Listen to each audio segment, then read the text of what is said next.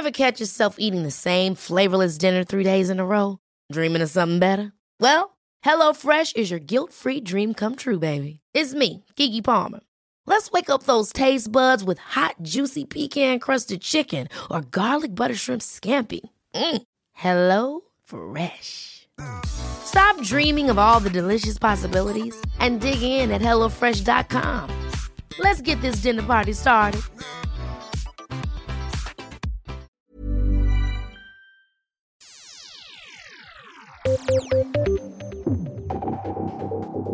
Tradisjonelt sett hvite karakterer spilles nå av svarte skuespillere, noe som skaper eh, splid i filmverden. Forkjemperne de ønsker seg en mer inkluderende rollebesetning, mens kritikerne frykter for at en tidsriktig wokeness får trumfe historien. Men er det et problem? Smålig, gjerrig, egoistisk. Kritikken haglet da regjeringen la frem statsbudsjettet i år. Dyrevernorganisasjonen NOAH, som tidligere hadde fått direkte statsstøtte med 730 000 kroner, var nemlig fjernet fra budsjettet. Var det en riktig beslutning? Legalize it.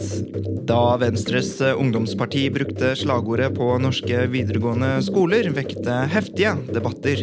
Denne helgen skal moderpartiet Venstre ta stilling til om de ønsker å gå inn for å åpne opp for cannabissalg på kommunenivå. Men er det en god idé? Du hører på Etikk og estetikk, som er tilbake i sin fjerde sesong og andre episode. Produsent er Adrian Eriksen, researcher Peter André Hegg, og programleder det er meg, Danby Choi.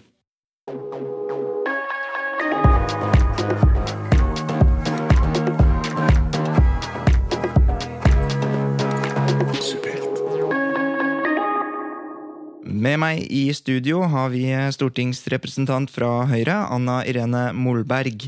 32-åringen har vært innvalgt på Stortinget fra Hedmark siden 2021, og sitter nå i arbeids- og sosialkomiteen.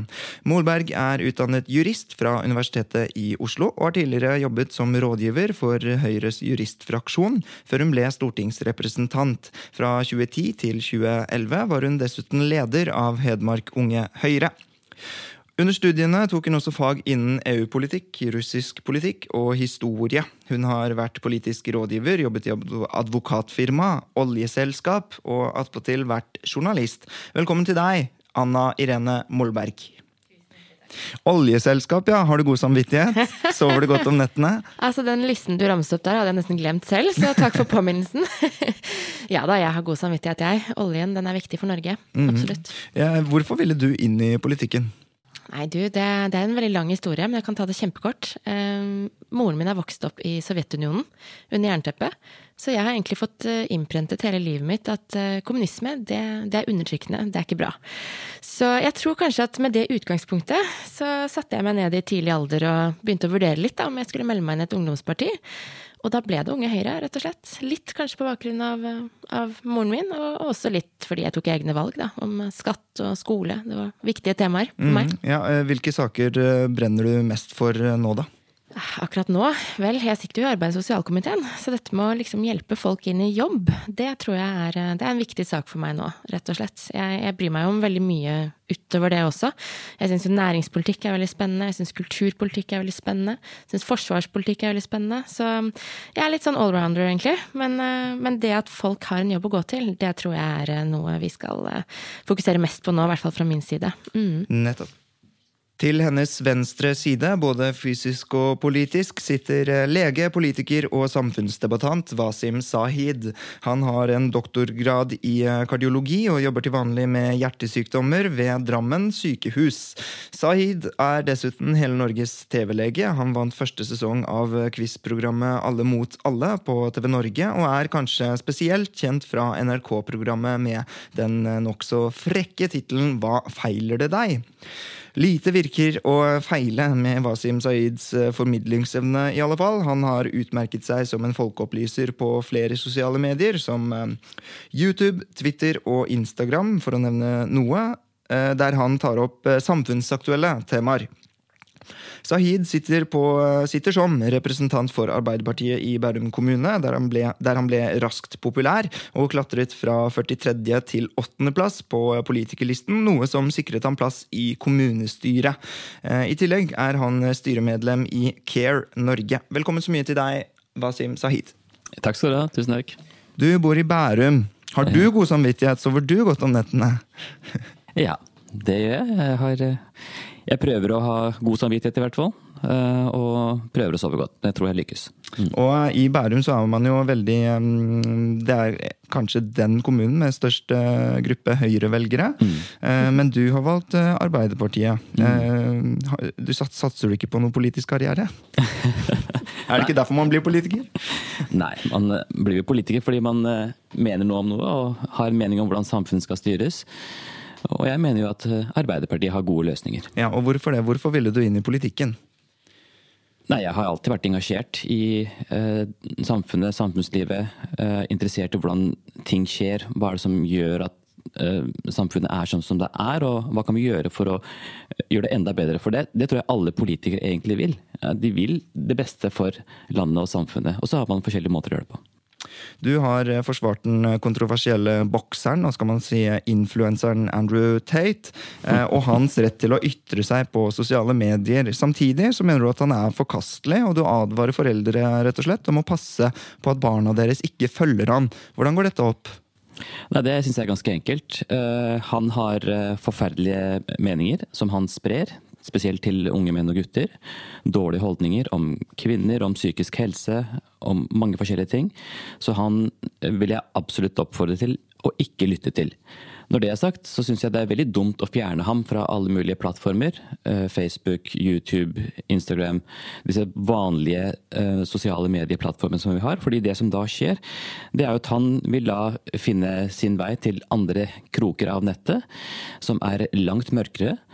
Og han drar med seg da disse unge som følger ham dit, og der finner de ting som er langt verre enn ham også. Nettopp. Hva mener du om dette, Molberg? Jeg følger helt med.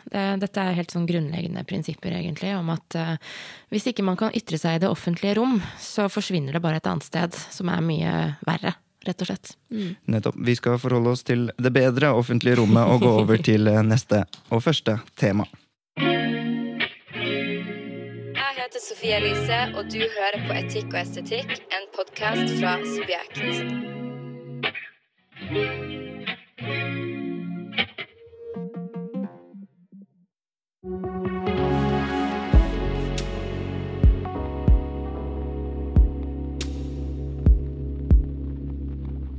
Tradisjonelt sett hvite karakterer spilles nå av svarte skuespillere. Det skaper splid i filmverden. Forkjemperne ønsker seg en mer inkluderende rollebesetning, mens kritikerne frykter at en tidsriktig wokeness får trumfe historien. Er det et problem at en tidsriktig wokeness får trumfe historien, Anna Molberg? Kanskje. Og du, Wasim Zaid? Nei. Eh, vi starter hos deg, eh, Molberg. Hva er det som kanskje kan bli et problem? Veldig glad for at jeg får lov til å begrunne dette her, for å si det sånn. Nei, altså, du sa trumfer historien. Og da er jeg litt bekymret noen ganger for at det kan fremstå litt påtatt. Eh, at man at f.eks. La oss si jeg skulle spilt Rosa Parks, da.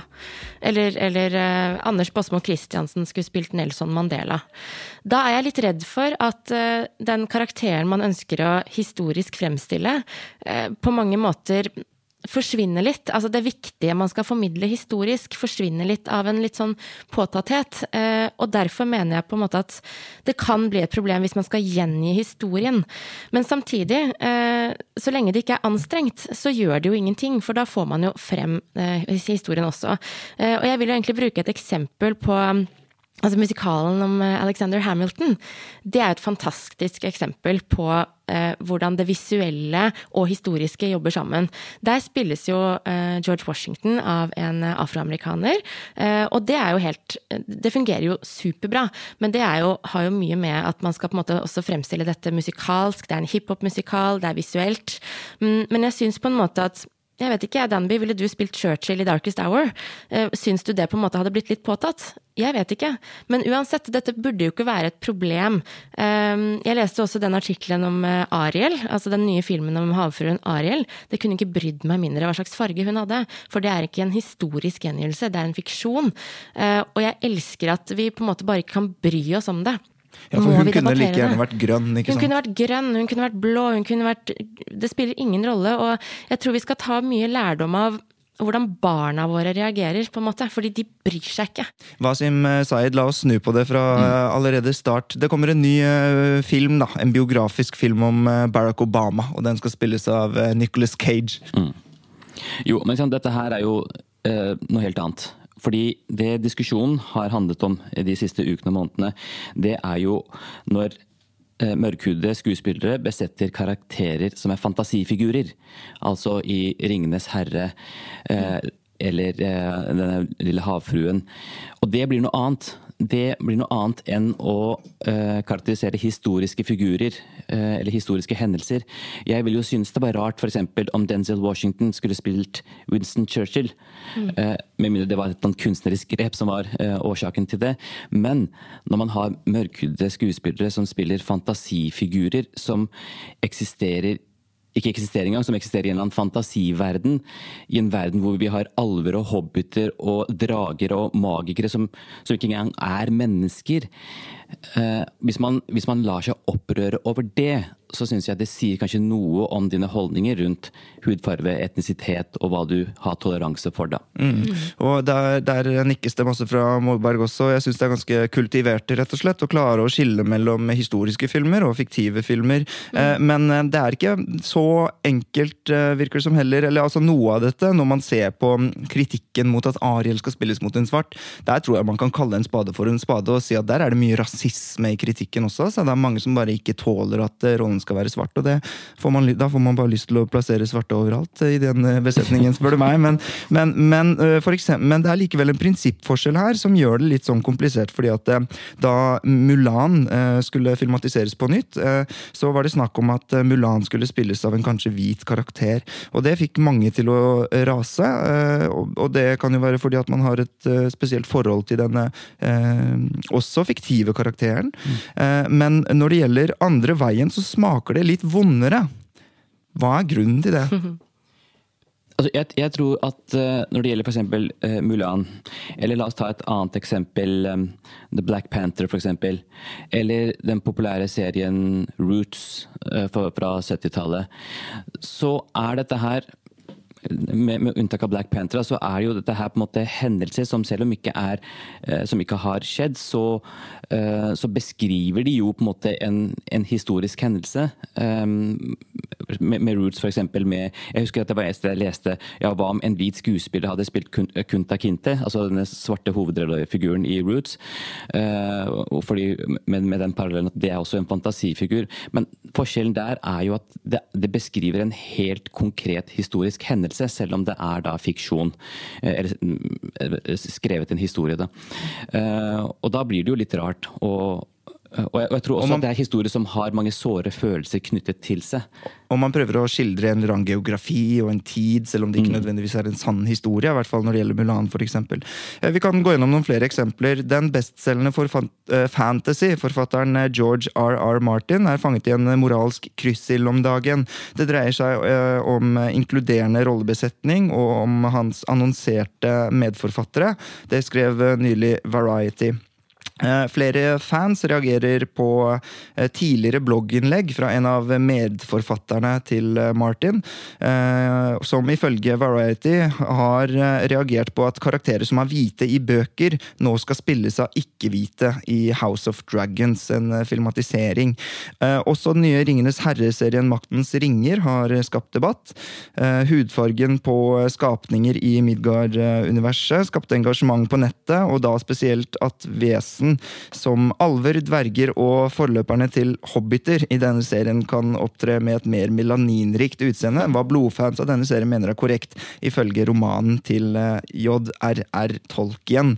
Eh, det er mange eksempler, så, så, men alt her snakker man eh, Man snakker om fantasyfigurer, og da tror jeg man er vi enige om at der skal man ikke bry seg. Ikke bry seg. Ja, og, og jeg, jeg, tenker at altså, Rasist er et stort ord, man skal ikke hive det i hytte og gevær uten grunn. Men jeg, jeg, jeg, tenker at de som opprører seg over det, at, at en eller annen alv spilles av en mørkhudet eller et eller annet sånt det sier noe om hva du tenker. Det sier noe om hva, du, måte, hva slags tanker du har uh, rundt disse tingene her.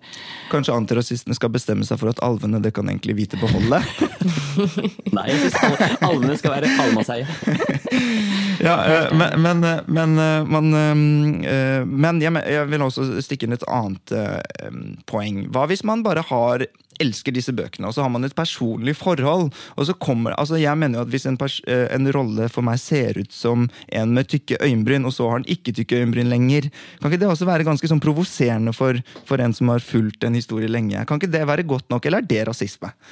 Jeg kan jo forstå at man kanskje har noen forventninger hvis man er blodfan og har lest alle bøkene i forkant, og så er på en måte filmatiseringen eh, noe som totalt avviker fra det du er vant til, og det du har lest f.eks. i hele barndommen og elsket. Mm. Men jeg syns du har et problem med deg selv hvis dette, bli, hvis dette går på hudfarge og etnisitet. Da, da, tror jeg på en måte Wasim eh, har helt rett i at eh, det er, det er deg det er noe galt med. At er, hvis du har et problem med det, så skal du liksom gå litt inn i deg selv, altså.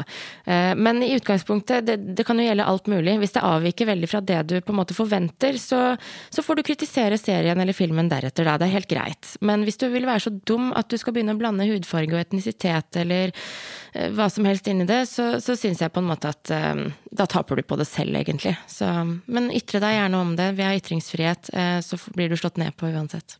Og den wokenessen, den, jo, den, er jo på godt og vondt. Vi pleier å si subjekt at wow, vi skal være woke på den gode måten. Det finnes en god måte å være det på. ikke sant? Fordi at det, Spørsmålet er jo også litt sånn det, Du nevner påtatt, mm. og at noen ganger så kan det se litt påtatt og teit ut, og det er jo dårlig Det gir jo lavere kvalitet kvalitet det, til en film. Eh, mens, eh, mens, samtidig så har man jo et samfunnsoppdrag som filmbransje. Så hva tenker dere? Skal man bli mer woke? Skal man ha, eller for å bruke et mindre kontroversielt og splittende ord, skal man ha en mer inkluderende rollebesetning eh, fremover? Det lages jo veldig mange filmer. Og, og, og, det er veldig det, det, er ikke noe problem å ivareta ønsket om mangfold blant skuespillere. Eh, ikke bare når det gjelder etnisitet, men mange ting. Eh, så det får man jo til. Så er det så klart, alle forstår jo at det er enkelte historier og enkelte filmer hvor det er spesielle ting som skal portretteres. Eh, men med tanke på så mye som produseres, så tror jeg det ikke er noe problem. Og jeg tror det er en fordel at generelt overalt. At man prøver, har fokus på å ha mangfold. Det, er ikke, det, at, det, at, det er en ryggmargsrefleks, eller det at man, det er et ønske, det er ikke negativt. Det, det syns jeg er positivt, at man har en tanke om mangfold i de fleste sammenhenger. Absolutt. Og, og, jeg tror vi er veldig enige om at skillet på en måte går mellom å gjengi det helt konkret historiske eh, og det på en måte visuelle fiksjonen på den andre siden. Eh, og så tenker jeg at man ikke skal tenke så veldig mye over det, egentlig. Eh, og så nok en gang, Hamilton-musikalen mener jeg bare er et fantastisk eksempel på at dette fungerer kjempebra. Ja, hvorfor nesten, og hvordan? Hva skjer der? Ja, for det hadde jo vært veldig rart hvis det bare skulle være en gjeng med hvite menn som, eh, som rappet, eh, på en måte. Altså, det finnes fins gode rappere for all del som er hvite også, men det som gjør denne musikalen så utrolig bra, er jo nettopp dette mangfoldet de har på scenen, og at musikken, tradisjonelt som det er, er hiphop, eh, fremføres av de som virkelig behersker den. Eh, og det er jo veldig ofte afroamerikanske rappere. Så jeg syns det fungerer veldig fint. Men det er jo en historisk musikal også. Det er The Founding Fathers i USA. Så det er jo litt sånn spesielt at eh, Noen vil sikkert mene at det er litt spesielt at George Washington spilles av en mørk person, men men, det gjør ingenting, for det fungerer akkurat der, og det er ikke påtatt. Eh, jeg har også lyst til å utfordre prinsippet med en eh, siste ting. fordi at eh, Har det noe å si at det er få filmer med la oss si eksempel, kinesiske kvinner som hovedrolle? Er det en god nok grunn til at man skal kunne gjøre det mer på den ene veien enn den andre veien? Det tenker man jo om f.eks. verneverdige bygg Prinsipielt så skulle man jo like gjerne revet her som der, men så har bygget i seg selv en kvalitet. Hvis, hvis det er slik at um, kvinnelige skuespillere med kinesisk utseende er underrepresentert fordi de ikke får sjansene, uh, fordi det er en eller annen form for strukturell diskriminering, kanskje de ikke anses som flinke skuespillere, at det er noen fordommer der ute, så er det jo absolutt riktig å prøve å gjøre noe med det ved å ha et litt mer bevisst forhold til man, hvilke skuespillere man har. Uh, fordi vi, og, det er ofte sånn, hvis, hvis, den, hvis det er få der, så For å få flere, da, uh, så må man jo åpne døren på et eller annet sted og, få, få, noen i sånne posisjoner, slik at andre kan se dem, unge skuespillere kan se dem, bli inspirert. Så får man naturlig flere også av kinesisk opprinnelse inn i filmverdenen. Men så er spørsmålet om man da um, fører dette som politikk på en eller annen måte. Er det fare for at man diskriminerer andre veien, eller pålegger kulturen noe krav til å utføre et samfunnsoppdrag, uansett hvor godt det er, da, at det ikke kommer fra filmskaperen selv, men fra samfunnet? På en eller annen måte? Jeg ville vært veldig forsiktig med å begynne å snakke om reguleringer innenfor kultur. Det er jo kjempefarlig, for det vil jo gå utover eh, det visuelle, kunsten, det man skal formidle. Eh, se på talentet! Se om det funker. Eh, velg den utøveren som passer best, som gjør det best på audition.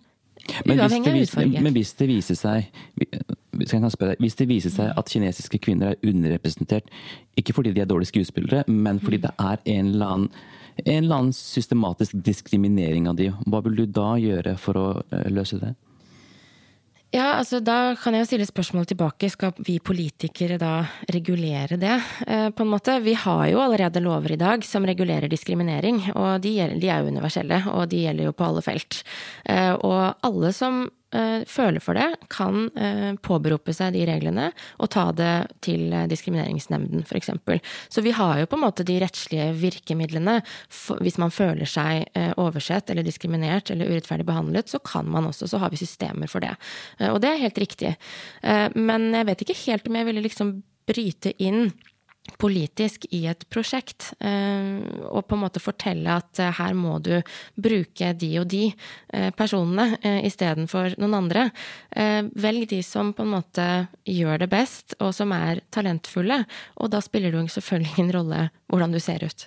Så det du sier er at vi har systemer for å motvirke diskriminering, og hvis de systemene ikke fungerer, så sorry, Mac?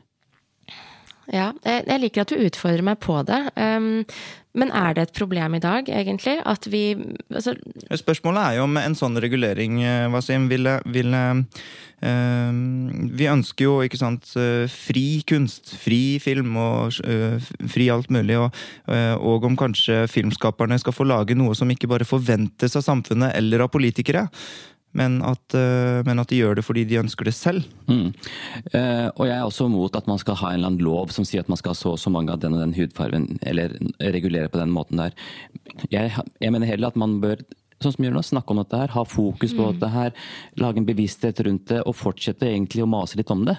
Eh, for at jeg er helt enig, altså Kunsten skal være fri og frivillig, og man skal ikke tvinges noen til å lage kunst, for det blir i hvert fall falsk og påtatt. Eh, men, men, da har man denne måten å jobbe på, da, og rett og slett skape bevissthet rundt det. Mm. Jeg tror veldig mange problemstillinger som vi diskuterer i offentligheten, på mange måter også kan løse seg selv ved at vi nettopp diskuterer dem. Det er ikke alltid man skal inn og finregulere ting. Eh, bare det at vi har en debatt om det, er veldig positivt. Og nå jobber vi litt i motbakke, for Oscars har nydelig nylig innført eh, kriterier for å vinne Oscar eh, og årets film, altså. Man eh, må sjekke av på noen bokser mm. hvor mange med funksjonshemminger og hvor mange hudfarger osv. man har med i filmen, og det kan vi sikkert lage en hel egen episode på. Yo! Det er Uge Marstein her, fra Undergrunn Klikk. Du hører på Etikk og estetikk av Subjekt. You know the shit.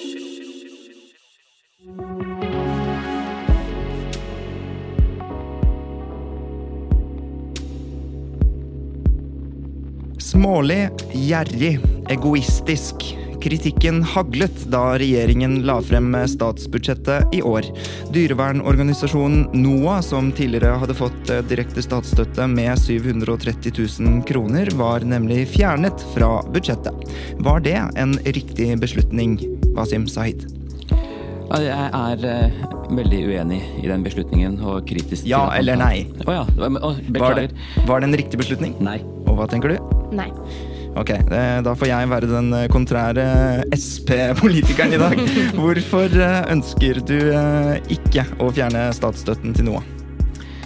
Jo, fordi jeg syns det er så tonedøvt og uh, dette her med Spesielt når man ser på unge mennesker, ungdommer, så er de så opptatt av dyrevelferd av uh, og det å redusere kjøttinntak, det å spise mer plantebasert. Det er, det er en sånn verdi som de er veldig opptatt av, og vi trenger absolutt her i Norge eh, noen som passer på, som er motstemmer til på en måte Her i Norge er vi veldig glad i å spise kjøtt. Det er en del av tradisjonen. ikke sant? Maten vår. Og, og, og, og at, det er, at, det er, noen som passer på i den andre enden og balanserer. Vi trenger en organisasjon som NOAH, og, og da trenger de også midler til å kunne drive. Rett og slett fordi at vi trenger eh, NOAH. Hva tenker du? Nei, jeg syns dette var en uh, litt sånn ekkel statement fra Senterpartiet som var så utrolig gjennomskuelig. Man ser jo eh, hva som er bakgrunnen her, og det er fordi NOAS står for noe som Senterpartiet er fullstendig uenig i, åpenbart. Og, men jeg har en litt mer sånn prinsipiell tilnærming til det. Men, men, men, er det ikke sånn det er å ha en regjering? Velger vi ikke en regjering for å kunne fjerne statsstøtte til uh, ting som den regjeringen er imot? Jo, og jeg har full respekt for at regjeringen faktisk kutter kutter en del eh, offentlig pengebruk. Det er bra. Det har Høyre også vært med på å gjøre når vi satt i regjering. Eh, men det er måten det gjøres på. For her bare plukker man ut én organisasjon som man fjerner hele statsstøtten til. Og så viser statsråden til at eh, jo, men hun har også kuttet andre. Jo, men hun har ikke kuttet totalt støtten til andre organisasjoner. Her har hun plukket seg ut én organisasjon som hun har fjernet støtten til. Og det er eh, en skremmende måte å bedrive sensur på, rett og slett. Jeg føler vi må ganske langt østover for å finne regimer som nettopp knebler meningsmotstandere. Eh, og det at Senterpartiet Men er det en menneskerett å få statsstøtte? Overhodet ikke. Og som jeg sa, eh, Høyre har også vært med på å kutte statsstøtte til organisasjoner. Og noen ganger så må man dessverre gjøre det. Men den beste måten å gjøre det på, er jo å kutte i de søkbare pottene, slik at man ikke rammer enkeltorganisasjoner direkte. Eh, så hvis man skal spare penger, så får man heller bare kutte i totalpotten der søkerne søker midler fra. Fordi dette er eh, et såpass stort statement som jeg dessverre føler at minner om en form for sensurering. NOAH er en organisasjon som har like mye rett til å ytre seg, de som alle andre. Og de har benyttet seg av lovlige demokratiske virkemidler som rettsapparatet. Og selv om regjeringen og Senterpartiet ikke liker at de tar staten til retten på, på, dyrevelferd, så betyr jo ikke det at de skal bare kneble dem over natten på den måten. Jeg syns det er en form for um, ja, en form for knebling som, er, som, blir for tydelig, da, rett og slett. Og det gjør at organisasjoner i fremtiden kanskje også vil kvie seg for å mene det de mener, i frykt for å miste statsstøtte. Nettopp. Og i starten, da denne saken ble en nyhet, da statsbudsjettet kom, så var det litt moro, fordi jeg husker en eh, artikkel hvor det sto at de mistet statsstøtten, og i, eh, til å begynne med hadde de snakket med Senterpartiet, som sa at nei, vi måtte bare kutte, og det her er et tilfeldig offer, og vi måtte kutte mye, liksom. Og så kom Senterpartiets ungdom under og bare dette har vi villet! og det var under, og det, Noah skal eh, ned. Men eh, for å forklare ytterligere hva som er eh, bakgrunnen for konflikten mellom Noah og den nåværende regjeringen, i alle fall Sp, så er det sånn at eh, NOAH og Senterpartiet ved flere anledninger har støtt mot hverandre i temaer som ulvejakt, pelsdyrnæringen og dyrevelferd. Da regjeringen vedtok felling av flere ulver i ulvesonen, så saksøkte NOAH regjeringen. I juli i år ga lagmannsretten NOAH medhold. I forkant av stortingsvalget i fjor ble Senterpartiet kåret av da NOAH som partiet med dårligst dyrevernspolitikk. Leder i Senterungdommen, Torleik Svelle, sier at det NOAH driver med, det er mobbing. Eh, det var også han som foreslo å kutte hele støtten. Eh, har dyrevernerne mobbet den stakkars eh, regjeringen? Hva sier Said? Nei, ikke som jeg har fått med meg. og Jeg har ikke fulgt med i alle, all den utvekslingen som har vært mellom eh, Senterpartiet og NOAH. Men, eh, men jeg syns jo de argumentene som brukes, eh, virker litt som vikarierende argumenter. og De virker ikke så veldig gode. Man sier på en side at man vil spare, og det, og det skal strammes inn. Men det er ikke så mye man har spart ved å kutte dette her, med tanke på hvor stort eh, budsjett, startbudsjettet er. Eh, og det andre med at eh, NOAH ikke oppfyller kriteriene, for, fordi det er ikke en demokratisk eller medlemsbasert organisasjon organisasjon og den type ting. Jeg syns, jeg, jeg syns de argumentene som brukes ikke holder for meg. Jeg eh, mener jo absolutt at de vi trenger en organisasjon som NOVA, og det budskapet de står for. Og, og, det er det også mange i samfunnet som mener. Ja, fordi de er jo faktisk eh, noen stemmeløses stemme, mm. rett og slett. Ja. Eh, ja, men eh, Sandra Borch har altså i ettertid også fra Sp sagt at eh, jeg kan ikke støtte en organisasjon som jobber mot norsk landbruk som politikere. Kan ikke dere også skjønne det? Dere jobber for Ingen kan være venner med alle. Dere jobber for noen. Du for arbeiderne, og du for noen andre. Eh, ja, hvem er det egentlig? Arbeidsgiverne? ja, I hvert fall flest, eh, mulig, nei, flest nordmenn akkurat nå. Da, 30 oppslutning. eh, Største partiet. Og ser dere ikke da, som kollegaer av Sandra Borch, at dere ikke kan gi penger til noen som jobber mot deres prosjekt? Den dere er folkevalgt til å jobbe for? Alle som driver med en fornuftig form for meningsutveksling i det offentlige, og som søker penger til driften sin, må kunne gjøre det. Og så får det på en måte være litt sånn Det er jo veldig ofte at det er direktoratene som omfordeler midlene, men i noen tilfeller så er enkelte organisasjoner også inne på statsbudsjettet. Det kan være litt problematisk, Ja. fordi da er det liksom noen som er inne fast, og så er det andre som må leve fra år til år basert på søknadene sine, som direktoratene mm, avgjør. Og en helt vesensforskjell også er jo den armlengdes avstand-prinsippet. ikke sant? Fordi at eh, man, eh, Når direktoratene gir støtte, så kan det jo være av faglige grunner, mens, eh, mens de som er direkte på statsbudsjettet, kan jo, som NOAH nå er et bevis på, bare gå, komme av og på det budsjettet basert på hvilke politikere som liker dem. Eh, Blir det noe, eh, skal man flytte det til et annet direktorat om man først får dem inn igjen? Det, altså, for, eh, så mye peil har jeg ikke på hvordan politikken fungerer i praksis. Men jeg, er opptatt av det prinsipielle her, og jeg syns de har et godt budskap. Og jeg syns det passer dårlig. Og hvis det er sånn at Senterpartiet er bekymret for oppslutningen nå, så tror jeg det, dette i hvert fall ikke kommer til å hjelpe dem. Ja, jeg tenker også det er fornuftig at man har en eh, nøytral pott med penger, eh, og at det er eh, direktoratene som omfordeler, egentlig. For da slipper man nettopp disse konfliktene. For det er veldig vanskelig. Jeg har vært med på prosesser i Stortinget hvor, for å si det sånn, det er litt tilfeldig hvem som får hva, når det er flere partier som sitter og forhandler et budsjett. Så jeg tror kanskje vi skal ta til orde for at dette armlengdes avstand-prinsippet som du nevner, Danby, jeg tror det er fornuftig. Mm. Eh, og eksempel HRS, som er en eh, litt mindre søt eh, eh, tidligere statsstøttet organisasjon, de eh, ble jo også tatt ut av statsbudsjettet. eh, og der, liksom det man ser da, er jo i hvor, med tanke på armlengdes avstand-prinsippet, i hvor stor grad er disse egentlig bare diktert av politikerne? Hvis de bare er kjemperedde for å miste statsstøtten. Um, eh, jeg ser jo for meg at det nå blir ganske en dårlig idé å f.eks. kåre et parti som et parti med dårligst dyrevernspolitikk. Det kan fort slå tilbake på deg. ikke sant?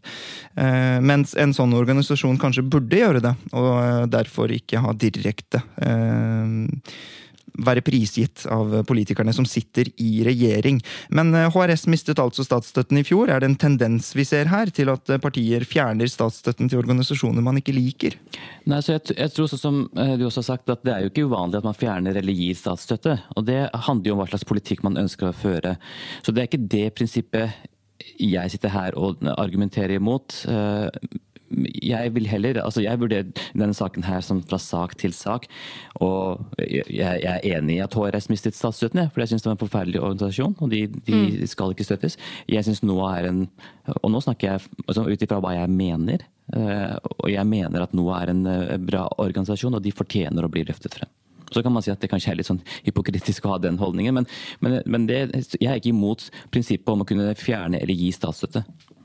Jeg, også, altså jeg forsvarer også kuttet til HRS. Eh, hvis det noen gang var et nivå der eh, i det hele tatt, så var det i hvert fall eh, ikke noe Det var ikke til stede lenger, for å si det sånn. Det var et elendig nivå, eh, og man så eh, ja, rasistiske tendenser som vi egentlig ikke ønsker eh, å lytte til, og da får de på en måte bare drive på egen hånd hvis det er, hvis det er viktig for dem. Men, og, og NOAH, hva gjelder NOAH, jeg er ikke nødvendigvis enig i alt NOAH står for. Jeg er jo fra Hedmark. Mm. jeg syns ulvepolitikken vår er ganske, for å si det sånn, overgripende eh, med tanke på de som bor i ulvesonen. Her er det noen som har fått en ulvesone trett ut eh, over hodet sitt og må leve med ulv konstant. Eh, Så jeg er nok av den oppfatning at vi bør redusere ulvebestanden i Norge. Men det betyr ikke at organisasjoner som NOAH dermed skal kutte kuttes totalt over natten, bare fordi de er veldig aktive på feltet, bruker domstolene, er eh, uttalte kritikere av eh, Senterpartiet, f.eks., da blir det for enkelt. Og det er for gjennomskuelig, det Senterpartiet driver med her. Raust av deg å tenke prinsipielt, selv om dere er politisk uenige. Det sikrer deg kanskje også ikke å få tittelen eh, dårligst dyrevernspolitiker. Men eh, det Jeg er veldig skjedd opptatt av dyrevern, bare så det er sagt. Ja, ja, kult. Mm. Men det som likevel har skjedd, som er veldig, veldig moro, syns jeg Nå er jo jeg riktignok venn med denne Sofie Elise som startet det hele, men i ettertid så har jo på ja, to dager Sofie Elise startet en sånn fundraiser og samlet inn mer enn 730 000 kroner. Hun fikk også med seg Lush, jeg syns også bedriften skal få ros. eh, En kosmetisk eh, sminkebutikk som også spyttet inn ja, 200 000 kroner. Eh, Hun spyttet inn 100 000 fra egen lomme, og så fikk hun alle disse mm, følgerne sine. Hun er jo kåret til en av Norges mektigste kvinner. til å 14-åringer til å donere 500-lapper altså, og samle inn mer enn hva Senterpartiet, nei, regjeringen før Senterpartiet hadde gitt i støtte til noe. Er det kontraproduktivitet man ser her? Hva syns vi om dette stuntet? Nei, altså, For det første så syns jeg jo at dette viser jo det jeg sa, at dette her er en sak som er, mange bryr seg om. Og spesielt da yngre mennesker er veldig opptatt av dette her. Så her har jo regjeringen gått mot det mange eh, mener er riktig. Eh, men på den annen side så eh, er det jo også, selv om det er veldig fint for NOAH nå å få disse pengene her, og det hjelper nå i de månedene og kanskje året fremover, men det blir veldig vilkårlig. Og straks saken ikke er oppe i media lenger, så vil jo også den type oppmerksomhet og støtte forsvinne. Så det blir jo da veldig usikkert grunnlag for dem å operere på, da. Men uh, argumenterer dette egentlig også for at uh, men, Ja, usikkert, ja, men, men at man likevel kan markedsfinansiere foreningsmedlemskap uh, og priser, abonnement, for um, finansiere dette selv? Ja, vi ser jo, Dette eksempelet viser jo at eh, det er et veldig kult stunt som var åpenbart vellykket. eh, Og at det finnes definitivt giverglede der ute. Og det blir jo litt sånn som i USA. Der har de jo en kultur for å nettopp donere penger fra, ja, fra private folk og organisasjoner og firmaer. Så jeg tenker dette er et godt eksempel på at det også fungerer i Norge. Men eh, det er nok ikke. Vi hadde nok mistet mye av mangfoldet, tror jeg, av både meninger og organiseringer, dersom vi også ikke hadde hatt noen søkbare midler i statskassa. Ja, det, og så synes jeg det er heller ikke eh, Det er ikke evidens for at det er bærekraftig. Vi vet at det fungerte nå, akkurat nå. Men om dette her er en praksis som også kan være bærekraftig over tid for organisasjoner, det har vi ikke evidens for, i hvert fall for her i Norge. Nei, Da må de komme av og på det statsbudsjettet annethvert år, tror jeg. Og det er veldig slitsomt for organisasjoner. Det- Det Det kan jeg tro på. kjempe hvert år.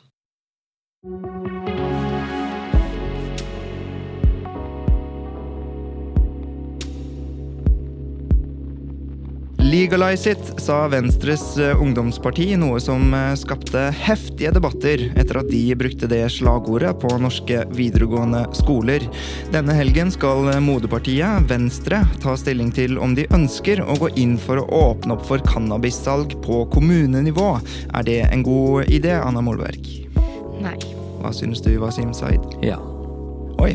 Um, vi starter hos deg, Målberg. Molberg. Eh, Skal, hvordan skal det Ok, så Høyre er ikke for. Hvorfor ikke? For det første er det det er rusreformen vi nå ønsker å gjennomføre. Avkriminaliseringen. Eh, Og det er veldig stor forskjell på avkriminalisering og legalisering. Så jeg tror kanskje vi skal eh, ta et steg av gangen her. Eh, Få igjennom rusreformen, som eh, vi dessverre ikke gjorde eh, i Stortinget.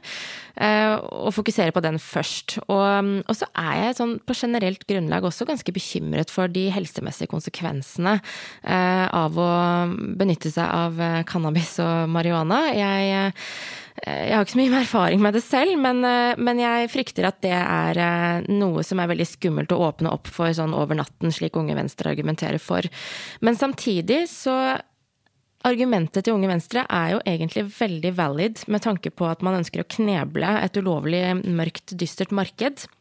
Hvor mennesker blir utnyttet, og, og denne ulovlige omsetningen eh, som hele tiden skjer. Eh, så jeg, jeg finner det vanskelig å på en måte argumentere akkurat mot det argumentet. Men samtidig så handler det jo også om da, hva slags signaler vi skal sende ut til barn og unge i dag eh, om bruk av narkotika. Så jeg er mye mer interessert i å først og fremst få gjennomført rusreformen. At vi avkriminaliserer og heller hjelper de som trenger det, eh, og som er rusavhengige. Og at eh, jeg også er veldig nysgjerrig på mm, altså virkestoffene osv. til medisinsk bruk, det syns jeg vi må forske mer på. Eh, for der, dette vet du mye mer om enn meg, Wasim, men, eh, men jeg tror det kan ha mange gode helseeffekter å f.eks. dra ut noen av virkestoffene fra, fra, cannabis. Så det kan sikkert Wasim si mye mer om enn meg, men jeg er veldig åpen for det med tanke på medisinsk bruk. Ja, Du kan jo starte der, og så gå videre til hvorfor du mener at du er for og støtter Venstre i det forslaget. Ja, um, Det med medisinsk bruk det er veldig spennende. Der er, pågår det, det har vært en del forskning, og det pågår mer forskning. Uh, og det kan vise at det er uh, potensielt gode effekter på en del, en del tilstander det, det, er en annen sak. Og så vil Jeg si at jeg vil ikke være bundet av hva Arbeiderpartiet måtte mene om rusreformen eh, når jeg akkurat uttaler meg i denne saken. Dette er hva jeg personlig mener. Og Du sa at det er viktig å ta ett steg av gangen. og Jeg mener jo at det forslaget som de kommer med her, er egentlig er jo absolutt et steg av gangen. Jeg, jeg har eh, bakgrunn i vitenskap, og, og, og, og forsøk, og det å forsøke noe, det appellerer veldig mye til meg. fordi det er jo da man finner ut av om det er en riktig vei å gå eller ikke. Det er da man får kunnskap. Man må prøve noe. Og, og vi, og for gjøre et litt sånn prøveforsøk da, og, og, selge det cannabis via kommunene på en regulert måte, så kan vi jo få Her i Norge så er vi jo såpass små at vi kan få noe verdifulle Vi kan gjøre kontrollerte forsøk, og vi kan få noe verdifull informasjon om hvordan dette kan gå videre. Og ja, jeg er selvfølgelig motstander. Jeg kan si det rett. Motstander. Jeg, jeg fraråder folk å bruke cannabis til rekreasjonell bruk, altså for, for, for, å ruse seg. Eh, som, som, som, lege og helsearbeider så ser jeg ingen fordeler med å ruse seg med cannabis. Eh, noe helt annet enn medisinsk bruk. Ehm, men eh, det at man skal være redd for at eh, dette åpner opp for at unge mennesker skal begynne å bruke det mye mer Vel, unge bruk, mennesker bruker allerede i stor grad cannabis. Jeg har, jeg har, barn som er tenåringer, og heldigvis så bruker ikke de selv, men de, jeg får jo høre alle de historiene hvordan det er, og det finnes overalt. Det, det er allerede utstrakt bruk av dette her. Og da tenker jeg at det kan være greit å få det inn i regulerte og kontrollerte former. I fjor valgte Stortinget å stemme ned rusreformen som innebar at bruk og besittelse av mindre mengder narkotika til eget bruk ikke lenger skulle være straffbart. Det stemte Stortinget altså ned for, med god hjelp fra partiet til Wasim Saeed. Allerede i dag har Oslo innført en slags lokal avkriminalisering av brukerdoser, mens andre byer snuser på det samme, blant annet Oslo Ap. Eh, stemte for dette, eh, og gikk dermed imot moderpartiet som hadde stemt ned rusreformen. Eh, imens har Høyesterett kommet med tre dommer som avklarte en ny praksis for hva slags straff narkotikabesittelse skal få. En rusavhengig med mindre enn fem gram heroin, kokain eller amfetamin til eget bruk skal ikke straffes, selv om det fortsatt er ulovlig. De har i alle fall satt presedens for det. Og ja, har sitt eget regelverk og egen tolkning, eller med vilje vranglesning av norsk lov. Hva er det som har skjedd her? Det er veldig interessant det som har skjedd. Ja, Det er, det er ut, helt utrolig. Ja. Det, er, det, er, vel ikke vanlig at det skjer? Her er liksom en av statsmaktene, i form av eh, domstolene, rett og slett grepet inn mot politikerne på mange mm, måter. Mm. Eh, og, og, skapt en presedens for hvordan politiet skal operere. Og det, det er rett og slett veldig interessant. Um, og mm, jeg tror, eh, jeg tror dette Det var også helt riktig, og, og, virker, og det, de har jo også hjemmel til det. Man kan jo instruere politiet, også Riksadvokaten kan instruere politiet om hva de skal prioritere og hvordan de skal operere. Og det har man jo også gjort i, i, det tilfellet her. Så, så, det er jo rett og slett et sånn stille opprør, egentlig, mot ja. stortingsflertallet. Ja, fordi at uh stortingsflertallet vil, vil, fortsatt straffe, mens Høyesterett har eh, valgt at de med mindre enn fem gram skal ikke straffes. Eh, og det virker også som om de ser en rusreform er på vei, de, så de bare begynner med den nå. Men er de synske? Vet de at den kommer? Altså, det er jo helt utrolig. Ja, jeg tror at eh, domstolene her har vært mer i tråd med det som er opinionen i folket. Ja, nettopp, nettopp. Som da Stortinget ikke er i tråd med. Og, og jeg syns jo det er, det er helt riktig. Som lege så ser jo jeg eh, Jeg ser jo konsekvensene. Altså jeg ser jo disse som har et skadelig bruk av rusmidler. Og, det, er en, det, er jo en, sykdom de egentlig har, den avhengigheten. Og, de, og også da de følgestilstandene de får pga. dette uheldige bruket, gjør jo at dette er syke mennesker. Og for dem som ikke får hjelp, så er en del av deres egen behandling av sykdommen sin, det er å få tak i mer rus. Og det å da se at at man må bli kriminell for å behandle seg selv. Det er veldig vondt for, for oss helsearbeidere å se på. Så jeg tror at det er helt riktig retning å gå i. Eh, og også en mer medmenneskelig linje å legge seg på. Og Så tror jeg at eh, litt sånn skeptikere som meg, da, og, mange andre politikere, de, de, kvier seg for å legalisere, selv om de kanskje innerst inne skjønner at det er det som skjer til slutt. Rett og slett for å kneble et, eh, et marked ingen av oss liker. Eh, men så er det det med å faktisk ta ansvaret og tørre å, å gjøre det. Det blir litt som med kjernekraft og atomkraftverk, på en måte. Det er mm. mange som begynner å bli åpne for det, men det er ingen som på en måte tør å, å, å vedta det, fordi plutselig så er man ansvarlig for eh, at et atomkraftverk sprenges om 25 år i Norge og skaper masse ødeleggelse. ikke sant? Det er litt samme med med, legaliseringsdebatten på narkotika. Men uh, jeg tror nok at uh, sånne som meg uh, kommer til å tape i fremtiden. Jeg tror vi kommer til å på et eller annet tidspunkt innse at vi har ikke noe valg, fordi argumentene på den andre siden er såpass sterke at vi må gå til det skrittet og også da finne en form for å regulere det. Men det er fremdeles en eh, god vei dit. Det er altså ikke snakk om eh, vi faktisk skal eh, innføre dette prøveprosjektet. Det er et spørsmål om Venstre skal ta stilling til om de skal gå inn for å gjennomføre dette prøveprosjektet nå i helgen. Ja. I landsmøtet. Det er jo litt voldsomt over natten å vedta noe sånt, kanskje. Ja, ja, og de er jo for øvrig et parti som sliter med å havne over sperregrensen. Så, så de kan sikkert gjøre det til sin sak uten at det nødvendigvis endrer så veldig mye sånn umiddelbart. Men med det har jeg lyst til å si tusen tusen takk for besøket, Anna Molberg og Wasim Sahid. Tusen takk. Takk, takk. Du hører på Etikk og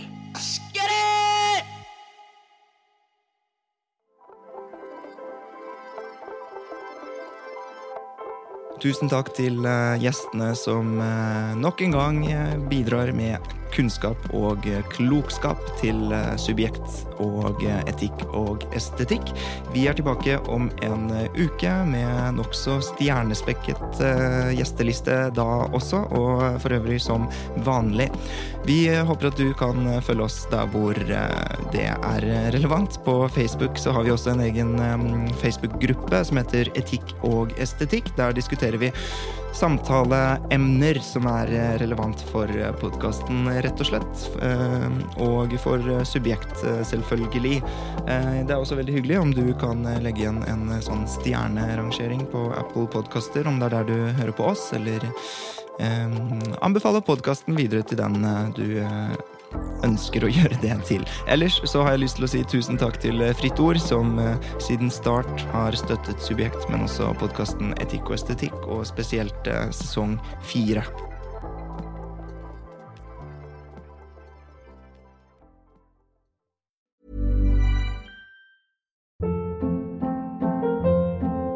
Hold up. What was that? Boring. No flavor. That was as bad as those leftovers you ate all week. Kiki Palmer here, and it's time to say hello to something fresh and guilt-free. Hello Fresh. Jazz up dinner with pecan-crusted chicken or garlic butter shrimp scampi. Now that's music to my mouth. Hello Fresh. Let's get this dinner party started. Discover all the delicious possibilities at hellofresh.com.